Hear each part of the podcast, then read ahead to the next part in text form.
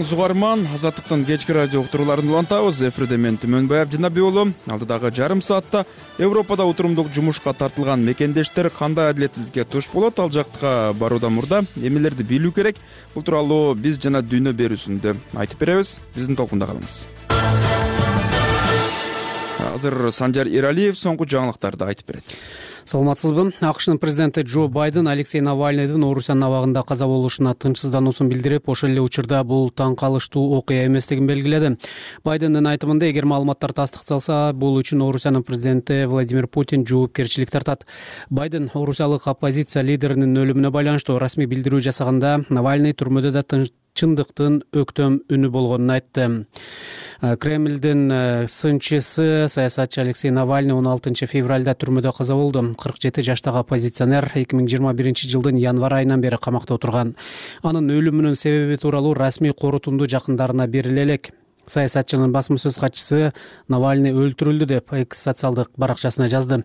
Дүйнө коомчулугу навальныйдын өлүмү үчүн путиндин режимин айыптоодо. Кремль азырынча буга комментарий бере элек дүйнөнүн бир катар шаарларында бүгүн маркумду эскеришти бишкекте айрым активисттер репрессия курмандыктарына арналган эстеликтин жанында навальныйдын портретин алып барып гүл коюшту ишембиге караган түнү украина армиясы донецк облусунун авдеевка шаарынан чыгып кетти. Бул тууралуу украиналык таврия аскерлер тобунун командири александр тарнавский билдирди.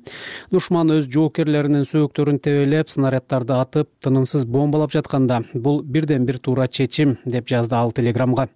Буйрукту украинанын куралдуу күчтөрүнүн жаңы башкы командачысы александр сырский берип аскерлерге коргонууга ыңгайлуу линияга өтүүнү тапшырган. Чечим курчоодо калбоо жана аскер кызматкерлеринин өмүрүн ден соолугун сактоо үчүн кабыл алынганы белгиленет. Тарнавскийдин айтымында акыркы бир суткада украиналык жоокерлер орустардын отуздан ашык чабуулунун мизин кайтарды. Орусиялык армия абадан жана артиллериядан сокку уруп калктуу конуштар зыян тартты. Чегинүү маалында бир нече украин аскери туткунга алынганы айтылууда. Орусиянын коргоо министрлиги маалыматка комментарий берген жок кум төр кенинде алтынды жер астынан э, казып алуу боюнча долбоор ишке киргизилди. Бул тууралуу министрлер кабинетинин сайтында маалымдалды. Министрлер кабинетинин төрагасынын биринчи орун басары адылбек касымалиев кен казуунун мындай ыкмасы алтын өндүрүүнү көбөйтүүгө экологияга анын ичинде мөңгүлөргө тие турган терс таасирди азайтарын белгиледи. Биз бул долбоордун экологиялык маанисин жана экономикалык натыйжалуулугун эске алуу менен ийгиликтүү ишке ашырылышын чыдамсыздык менен күткөнбүз деди ал баштапкы маалыматтарга ылайык жер астынан казуу ыкмасы менен жүз он беш тонна алтын алууга болот. Алтынды жер астынан казуу эки миң жыйырма биринчи жылдан бери пландалат.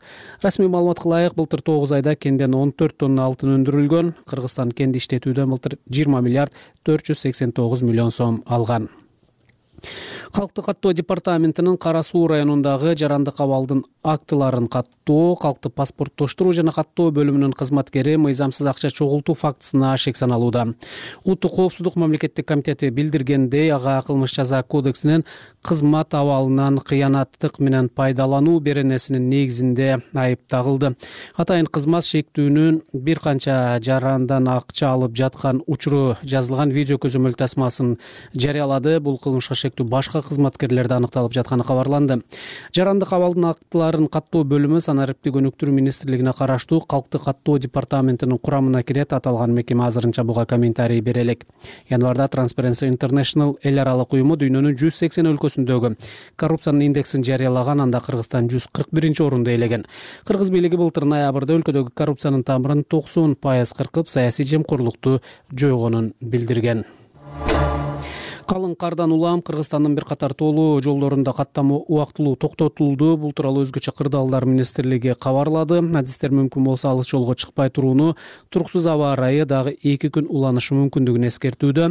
Бишкек шаарына дээрлик күн бою жана кечинде кар жаап тийиштүү кызматтар жолдорду тынымсыз тазалаганын мэриянын басма сөз кызматы билдирди чоң рахмат соңку жаңылыктарды санжар эралиев айтып берди. Азаттыктын сайтынан мобилдик тиркемесинен жана социалдык тармактардагы баракчаларынан сиз башка жаңылыктарды дагы окуп турсаңыз болот. Андан тышкары биздин эфирди радиодон тышкары азаттыктын youtube каналынан жана facebook баракчасынан дагы көрүүгө угууга болоорун дагы айтып өтөлү. Уктуруубузду уланталы европанын жолдорунда учурда оор машина айдап жүргөн жүздөгөн кыргызстандыкты жолуктурса болот. Кээ бирлери эмгек акысын ала албай контракттары аткарылбай алданып атүгүл соттошуп жүрөт. Башкалары иш берген компанияларына иштөө жана жашоо шарттарына ыраазы экенин айтышат roa transport due diligence foundation уюмунун маалыматына караганда борбор азиялык мигранттардын көбү арасында кыргызстандыктар эксплуатацияга туш болот. Алар кандай адилетсиздикке кабылат? Айдоочулардын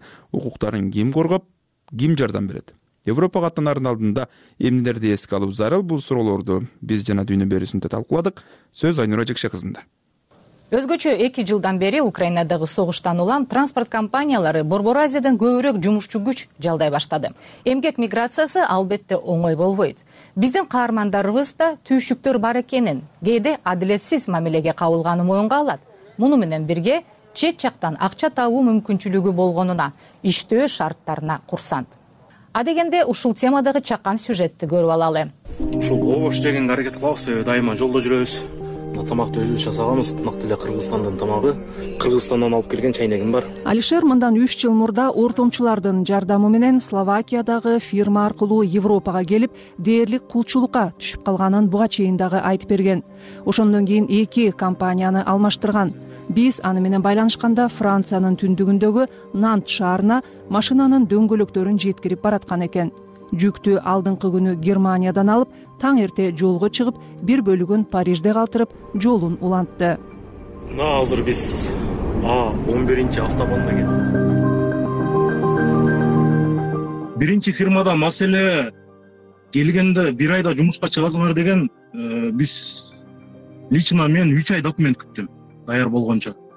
Деп үч ай документ күттүм и үч айда бизге биринчи стажировкага чыкканда жыйырма беш евродон гана төлөгөн. Еще биз эки экипаж болуп айдаганбыз. Баягы айткандай жыйырма бир саат. Уйкудан өтө кыйналганбыз. Акырында балдар биригип ошол нааразычылык билдирип чыкканбыз. Эми бүткөндө главный ал фирмадан бизге беш миң еврого чейин деп ар бирөөбүзгө штраф деп ошентип айткан. Беш миң евро штрафты жокко чыгарып главный ал жактан таза чыктык да башка фирмага чыктык. Ошол алишер мындан үч жыл мурун кыргызстандык айдоочулар бирин бири көргөндө кучакташып машинадан түшө калып учурашса азыр жердештер көбөйгөнү кадимкидей байкаларын кол булгалап коюп эле өтүп кетишэрин айтат. Ал бүгүнкү шарттарына негизинен канааттанат бирок айдоочулардын укуктары бузулган учурлар дагы жок эместигин белгилейт. Азыркы учурда биздин айлыктарды азыр төмөндөттү. эки миң жети жүздөн эки миң төрт жүзгө чейин эки миң бир жүзгө чейин түшүрүштү. Ортодо эми кыргыз сом менен эсептегенде элүү миң алтымыш миң акча жок болуп атат да. Ал эмнеге десе кризиске деп айтып атат бирок жумушубуз эки эсе көбөйүп атат. Мына азыр эле өзүңүздөр көрдүңүздөр мен бүгүн эки жолу жүк түшүрдүм. Азыр эми уже жүктөшүм керек. А мурда зарплатабыз көп болгон мезгилде андай болбочу. Чындыгында бул жакта эми европага барганда акчаң оңой дегени менен бул жакта ден соолугуңду жоготосуң биринчиден он эки саат он саат машинада отура бериш тогуз саат уктап эле кайра дагы ошол эле оңойчулук менен эмес өтө кыйналып акча табабыз чындыгында. Ошого айтып атканым көп балдар акчаларын ала албай жүрүшөт азыр мисалы увольнительный жазып мен башка фирмага кетем десе иштеген акчасынан сен онону кылдың сен буну кылдың э мен кана доказать эт ошону мен сага доказать этип берем айт ошол нерсени десе хорошо дейт жок болуп кетет зарплатасын бербейт. Ортодо ким страдать этет? Өзүбүздүн жарандары страдать этет. Суукта оокатталып мен эшикте калып.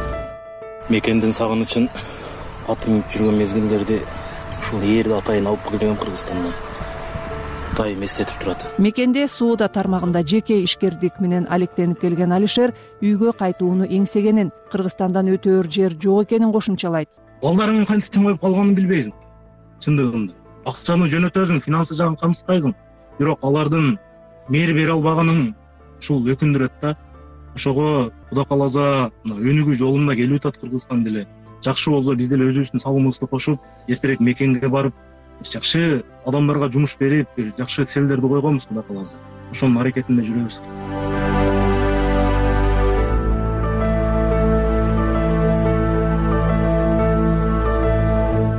Режимибиз эртең менен э, сегиз тогуздарда башталат. Кечинде дагы сегиз тогуздарда бүтөт алишерден айырмаланып санжар европанын бир өлкөсүнөн экинчи өлкөсүнө жүк ташыбайт.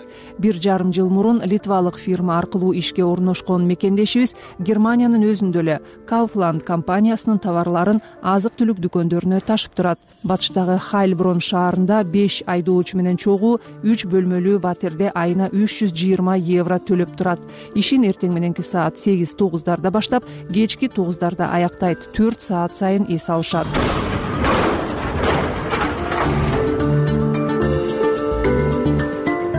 санжар шарттарына даттанбайт. Айына эки жолу ишембиде иштейт жекшембилерди эс алып шаар кыдырып германиянын башка жерлерине дагы саякаттап келет экен. Бирок баардык эле айдоочу мигранттардын жашоо турмушу тегиз эмес. Мисалы литва бизди жумушка жайгаштырабыз германияда иштейсиңер деп бизди чакырышат жумушка. Анан ар кандай учурларда мисалы германияга жибергенде э, кээ бир фирмалар жакпай калып жумушу өтө оор болуп калып анан ал жакта фирма германиядагы фирмалар мисалы бизге э, бул водительдер кереги жок деп көчөгө чыгарып койгон учурлар болот.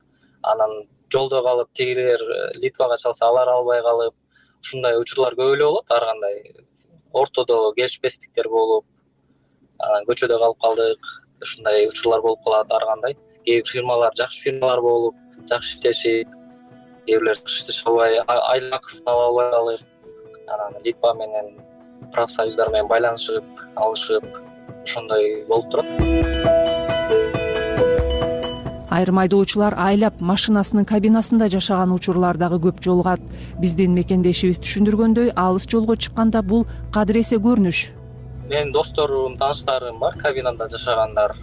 Э, мисалы э, немеден жумуштан зависить этет көбүнчөсү бул по европа иштегендер линиялары ошондой болгондор кабинада жашашат да. Например бүгүн францияга жүк болсо эртең испания ар кайсы жактарда ташып жүрсө аларга мындай квартирада жашаган э, мүмкүн эмес да.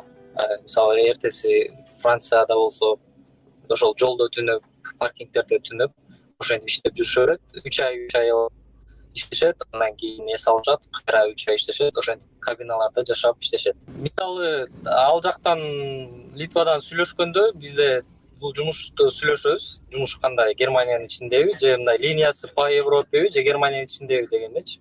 Ошондо мен линия ушу германиянын ичинде эле болсо деп ушул жака келгем да ушул фирмага атайын. А так башка э, фирмалар башка линиялар ошол ошондой болуп калат европа по европа?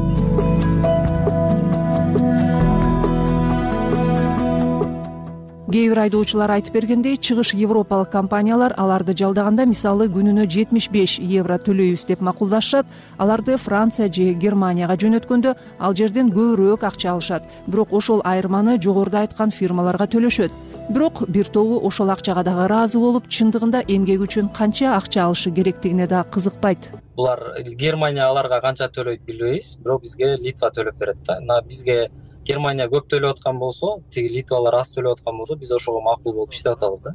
Бирок аны мен точно билбейм да чынында билбейм. Булар канча көп төлөйт же алар аз балким бирдей эле төлөйт.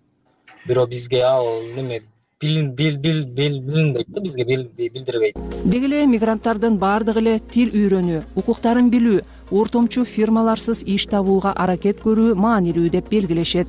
Оор жүк ташуучу машиналардын айдоочуларынын укуктарын коргогон европалык road transport due diligence foundation уюму өткөн декабрда жарыялаган баяндамасында айрым иш берүүчүлөр борбор азиялык анын ичинде кыргызстандык жумушчулардын эмгегин жейт кыянат мамиле кылат деген тыянакка келген эми жогоруда айтылган докладдын авторлорунун бири нидерланддагы ири профсоюздун өкүлү эдвин атама менен маектешебиз. Салам алейкум. Мистер атема атема мырза сиздердин баяндама жүз алтымыш алты айдоочунун интервьюсуна негизделген экен. Көпчүлүгү кыргызстандан келгендер. Негизги тыянактарды айтып бере аласызбы биз аныктаган негизги маселелерге кайрылсак иш берүүчүлөр жумушчуларга эмес тескерисинче айдоочулар компанияларга акча төлөп калган абал түзүлөт экен же ишке киришкенден кийин ишке орношуу үчүн кеткен жалдоо чыгымын алардын айлыктарынан кармап калышат. Андан тышкары айлап өздөрү айдаган унаада жашашат. Эксплуатацияга туш болушат. Укуктары корголбой калат. Кимге кайрылып жардам сураганды билбей өз көйгөйү менен калышат. Европадагы мигрант айдоочулардын абалы абдан кейиштүү мигрант жумушчулар туш болгон дискриминациянын канча учурун каттадыңар? Жалпысынан биз сөзгө тарткан дээрлик ар бир мигрант жумушчу катуу дискриминацияга эксплуатацияга кабылат. Ошол айдоочуларды жаныбарлардай эле көрүшөт деген жыйынтыкка келдик. Алар жүк ташыган машиналарды башкарып абдан оор жумушта иштешет. Бирок көп учурда аларга адам баласындай татыктуу мамиле кылышпайт. Сиз айткан мигранттардын шарттарын сүрөттөп бересизби мисалы таза суу дааратканалар менен камсыздалбайт. Эс алуу үчүн коопсуз жана ыңгайлашкан жайлар жок. Айтор аларды ишке тарткан компаниялар борбор азиялык айдоочулардын коопсуздугун шарттарын камсыздабайт. Айдоочулардын укуктарын коргоонун так жоболору мыйзамдарда бекитилген. Европада ушундай мамиле жасалып жатканы абдан өкүнүчтүү ошол мыйзамдар жумушчу борбор азиядан же филиппинден болобу баардыгына тегиз жайылат. Чет өлкөлүктөр европадагы баардык айдоочулардай эле укуктарга ээ болуш керек. Бирок андай болбой жатат. Мунун баардыгын дискриминация деп атаса болот. Uh, эксплуатация же кимдир бирөөнү бекер иштетүү деген сөз абдан катуу. Антип айтыш үчүн конкреттүү фактыларга таянсаңар керек эң өкүнүчтүүсү биздин докладыбыз жалаң фактылардын негизинде жазылган. Тиешелүү изилдөөлөргө айдоочулар менен баарлашууларга таянганбыз. Баяндамада айтылгандардын баардыгы асмандан алынып же ойдон чыгарылган жок. Реалдуу турмуш реалдуу адамдардын баштарынан кечирген окуялар чаалдырылган оор машиналар токтогон жайларды карасаңар эле жетиштүү өткөн жылдын апрелинде сиздер грузия жана өзбекстандан келген айдоочуларга өз маяналарын алууга жардамдашкансыңар. Ага чейин алар алты жума бою иш ташташкан. Май айында литвалык бир компанияга иштеген мигранттардын оор абалы тууралуу гардиан гезити жазган эле ошондо сиз мындай абал европада системалуу мүнөзгө ээ деп айткансыз литвадан башка кайсы өлкөлөрдөгү фирмаларды атай аласыз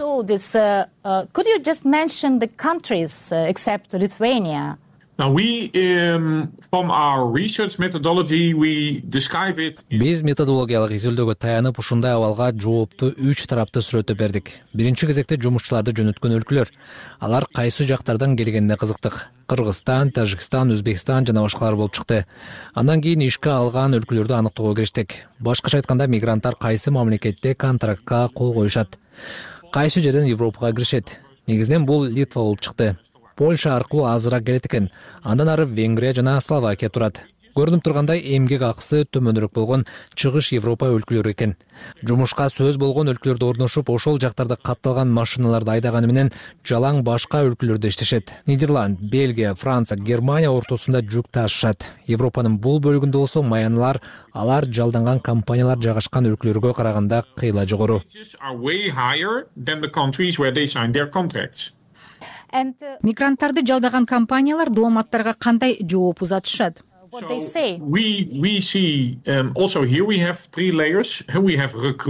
Бул жерде да үч тарапты көрүүгө болот. Биринчиден өзбекстан тажикстан же европанын айрым өлкөлөрүндөгү жумуштарды жалдаган ири компаниялар. Андан кийин ошол мигранттарды ишке алган транспорт компаниялары турат ошондой эле жүк багытталган соңку кардарлар бар.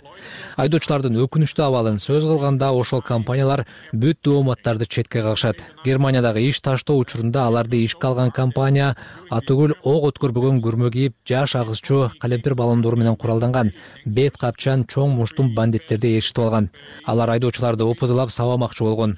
Ошол шылуундарды полиция кармап кетти. Тартип коргоочулар менен бирге жумуштарды коргоп калганбыз бул окуя ошол компаниялар мигрант айдоочулардын укуктарынын корголуусуна жардам алуусуна тоскоолдук түзгөнүн чектен чыккан чаралардан да баш тартпасын даана көрсөтүүдө сөз болгон фуралар европанын булуң бурчунда товар ташып жүрүшөт. Икеа амазондун авто өндүрүүчүлөрдүн жүктөрүн жеткирип турушат. Мындай ири компаниялар адам укуктарын коргоо дискриминациянын алдын алуу саясатын катуу карманышат. Андыктан биз маселени соңку кардалардын деңгээлинде чечүү стратегиясын издеп жатабыз албетте баардык эле айдоочулар ушундай адилетсиз мамилеге туш болуп же алданат деген ойдон алыспыз. Эмесе ушул жерден дагы бир кыргызстандык айдоочуга сөз берели аскат азыр кыргызстанда эс алып жүрөт. Андан кийин кайрадан европага жол тартаарын айтат. Алты ай иштедим андан кийин үйгө келип бир ай эс алып кайра алты ай иштеп келдим да. Э, шарттары болсо э, суббота воскресенье баягы дем алыш күн болгондо машинанын ичинде эле жашайбыз гостиница берилет деп айтылат экен бирок мага гостиница жөнүндө эч ким эч нерсе деп айткан эмес. Форанын ичинде ошо грузовой машинанын ичинде эле эми шарттары бар. Негизи холодильниги бар керектүү шарттары бар. Акча кармап калганга аракет кылышат экен. Минимальный отдых максимальный работа кылыпчы. Дем алыш күндөр төлөнөт деген бирок төлөнгөн эмес. Жыйырма алты күнгө төлөнөт экен. Бир айда отуз күн болсо ошо жыйырма алты күнүнө төлөп бер да магачы э, анан кийин сексен евродон деп айтышкан договор боюнча келгенден кийин жумушка иштеп баштагандан кийин жетимиш евродон болот деп внутренний правила деп өзгөртүүлөрдү киргизип койду да. Бирок пережог кылдың көп айдап койдуң же болбосо баягы адашып кеткен учурларда ошол пережог болуп калат да. Ошолордон кичине кичине кармап калып эми ошентип атып бир жүз эки жүз үч жүз евродон ар бир адамдан кармап калганга аракет кылат экен да. Баягы жаңы барганда э, тамак ашына көнбөй кичине кыйналгандар болот экен баягы ашказан урупчу больница бергиле десем бир төрт жүз километрдеги башка адрестеги больницаны берип койду чалсам неметкен жок да. Кайра чалып жакыныраак таап бергиле десем э, жакыныраак вообще телефонду албай коюшту да. Өзүм аракет кылып эле анан неметип э, дарыландым да. Сегиз жумада бир эс алып турса болот деп айтышкан. Андан кийин мен жумушка чыгып баштагандан кийин кайра новый правила деп он жума деп узартып эки ай иштегенден кийин кайра базага чакырып туруп кайра обратно жумушка чыгарганда уже алар да считай этсе бул үйүнө барып эс алып келди деп кайра бир үч үч айга кайра узартып коет эки ай иштегенден кийин кайра чакырып келип кайра узартып ушундай кылып иш кылышат экен да.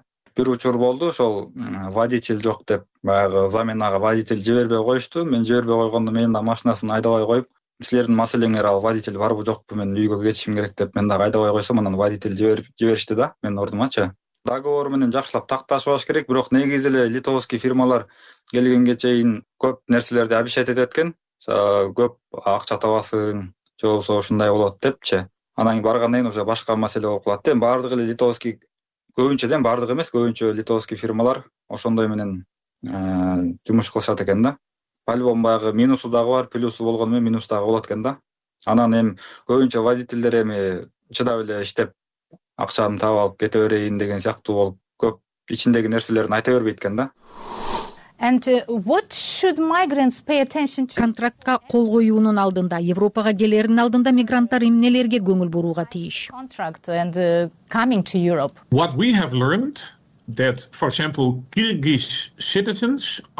Кыргызстандыктар абдан абийирдүү сөзгө бекем келишет экен. Башкалар да өздөрүндөй ак ниетте ишенишет кол алышып макулдашышса эч кандай кагаздын да кереги жок деп ойлошот. Анткени кыргыздар жигиттик сөзүнө турушат ооз эки келишимдерди урматташат. Кыргызстанда намыс көйлөктөн улам кол алышуу документке караганда маанилүүрөөк деген ой пайда болду. Аларды ишке алган компаниялар мигранттар түшүнбөгөн контракттарга кол койдуруп алышат. Сага мындай же тигиндей шарт түзөбүз баланча акча аласың деп ооз эки айтышат. Мигранттар ишенип алышат ошон үчүн биз айдоочуларга сиздер кол койгон келишимди жакшылап түшүнүш керек. Көчүрмөсүн сактап калуу зарыл деген кеңеш беребиз. Бул укуктарын коргоонун алгачкы жана мыкты жолу. Келишимде жазылгандарды эстеп калгыла. Анан документте а деп жазылса иш берүүчү б деп айтса европада кагазга кандай жазылса ошол нерсе юридикалык далил болуп эсептелет. Бир караганда жөпчөнөкөй эрежелердин абдан маанилүү экенин түшүндүрүүгө аракеттенебиз андан тышкары иш берүүчү мыйзам бузууга үгүттөсө андай далилдерди да сүрөткө тартып алгыла бул дагы өз укугуңарды коргоого жардам берет.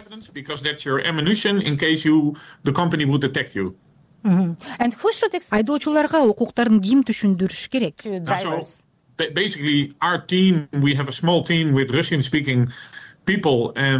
биздин чакан уюмда орус тилдүү кызматкерлер бар. Ушул тапта абдан кыйын абалда калган кыргызстандык тажикстандык айдоочулардын иштери менен алектенип жатабыз өзүбүздү көп учурда тагдырларды сактап калган укук коргоочулардай сезебиз. Бирок ошол жумушчуларга алар европага келе электе эле кеп кеңеш берип укуктарын коргоо жолдорун табууну каалайбыз.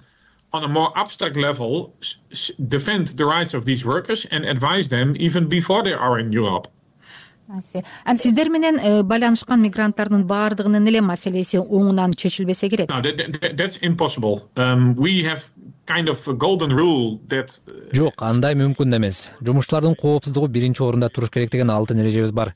Кайсы бир айдоочу ооруканага кайрылышы керек же унаа токтотуучу жайда тамак ашы жок калды дешсе биз ар дайым жардамдашууга аракеттенебиз бирок эмгек акысы кармалып жаткан же айдоочу каза тапкан учурларда жаныбыз канчалык ачыбасын колубуздан келбеген мүмкүнчүлүктөрүбүз чектелген иштер да болот.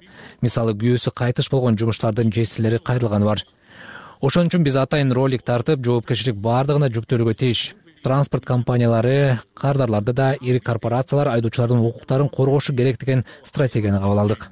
So that the end customers of of these transport companies safeguard the rights of these drivers maybe you could just tell us uh, сиз ошондой татаал эсиңизде калган эмоционалдуу жүрөк ооруткан бир окуяларды айтып бересизби? Мисалы гардиан гезити бөйрөгү иштебей калган бир айдоочу мигрантты чехиядагы ооруканага алып келишкенин жазганы бар. Maybe you have more examples. Yeah we have examples on daily base but um, some some really андай мисалдарга күнүгө туш болобуз. Айрымдары абдан татаал болот. Баары эле жүрөгү оорутат себеби күч кубаттуу эркектер оор жумушта иштеп европага акча табабыз деп келишет. Анан бул жактан ушундай кейиштүү абалга туш болушат. Мисалы бир кыргыз жигит ооруп калып иш берүүчүсүнө медициналык жардамга муктаж экенин айтат. Компания ишиңди улант. Же болбосо айлыгыңды албайсың деп жообун узатат. Ошондо биз кийлигишип айдоочуну мейманканага алып бардык. Дарыгерди чакырдык. Көрсө анын медициналык камсыздандыруусу да жок экен акыр аягында ал жигитке ооруган күндөрү үчүн акчасын төлөп беришти. Бирок биз менен байланышпасын деген көрсөтмө берип ал түшүнбөгөн документке кол койдуруп алышкан. Ооруканадан чыгып литвага кел деп көндүрүүгө аракеттенишкен. Нидерландда отурган уюм сага баары бир жардам бере албайт деп айтышкан. Ооба бул абдан таасирдүү окуялар. Же италияда же францияда жүргөн жерден каза тапкан кишилердин жесирлери жардам сурап кайрылган бирөө күйөөсү шаар түзүлөт деген убада берилгени менен жарым жыл айдаган машинасында түнөп жүргөнүн айтып берген. Бул абдан кейиштүү окуялар себеби транспорт компаниялары ак эмгеги менен акча табуу үчүн европага келген адамдардын үй бүлөлөрдүн тагдырлары менен ойношот. Uh,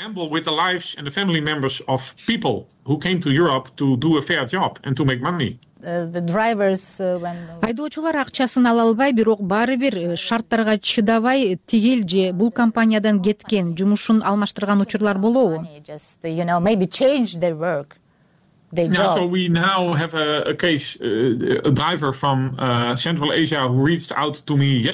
Кечээ эле мага борбор азиялык бир жумушчу чыкты. Ал беш ай бою трактын кабинасында жашап келиптир. Күнүнө токсон евро маяны алат деп убада кылышыптыр бирок иш жүзүндө жумасына эки жүз евро алган экен. Бул мыйзамда каралган минималдуу эмгек акысынан эс эле аз европада азыр кыш машинасынын жылуулугу иштебей калыптыр. Эки жума ошол муздак унаада жашаптыр. Кабинанын ичинде сырттагыдай эле суук өзүн жаман сезип дарыканага барганда кан аралаш заара чыгыптыр. Ошондо дарыгерге көрүнүш керек экенин түшүнөт. Бирок полициянын бөлүмүнө жеткенде эс үчүн жоготуп кулап калат. Биз азыр ага медициналык жардам көргөзүү маянасын сактап калуу жана ал өзү каалагандай үйүнө жөнөтүү жагын караштырып жатабыз. Европадагы шарттар начар экен үйгө баргым келет деп айтты.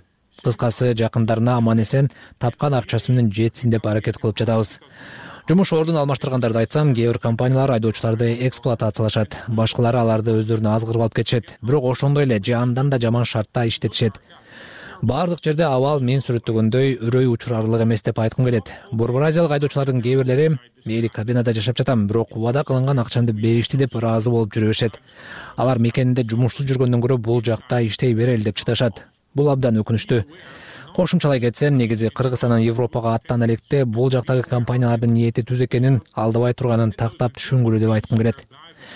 Жумушка орноштурууга үч төрт же беш миң евро төлөм алуу мыйзамсыз экенин баса белгилейм. Муну эстен чыгарбагыла. Зарылчылык болгондо биз менен байланышууга чакырам. Um, биз жана дүйнө берүүсүн ушуну менен аяктайбыз. Бүгүнкү берүүдө европада жүк ташыган машиналарды айдаган кыргызстандык борбор азиялык айдоочулардын абалы жөнүндө сөз кылдык.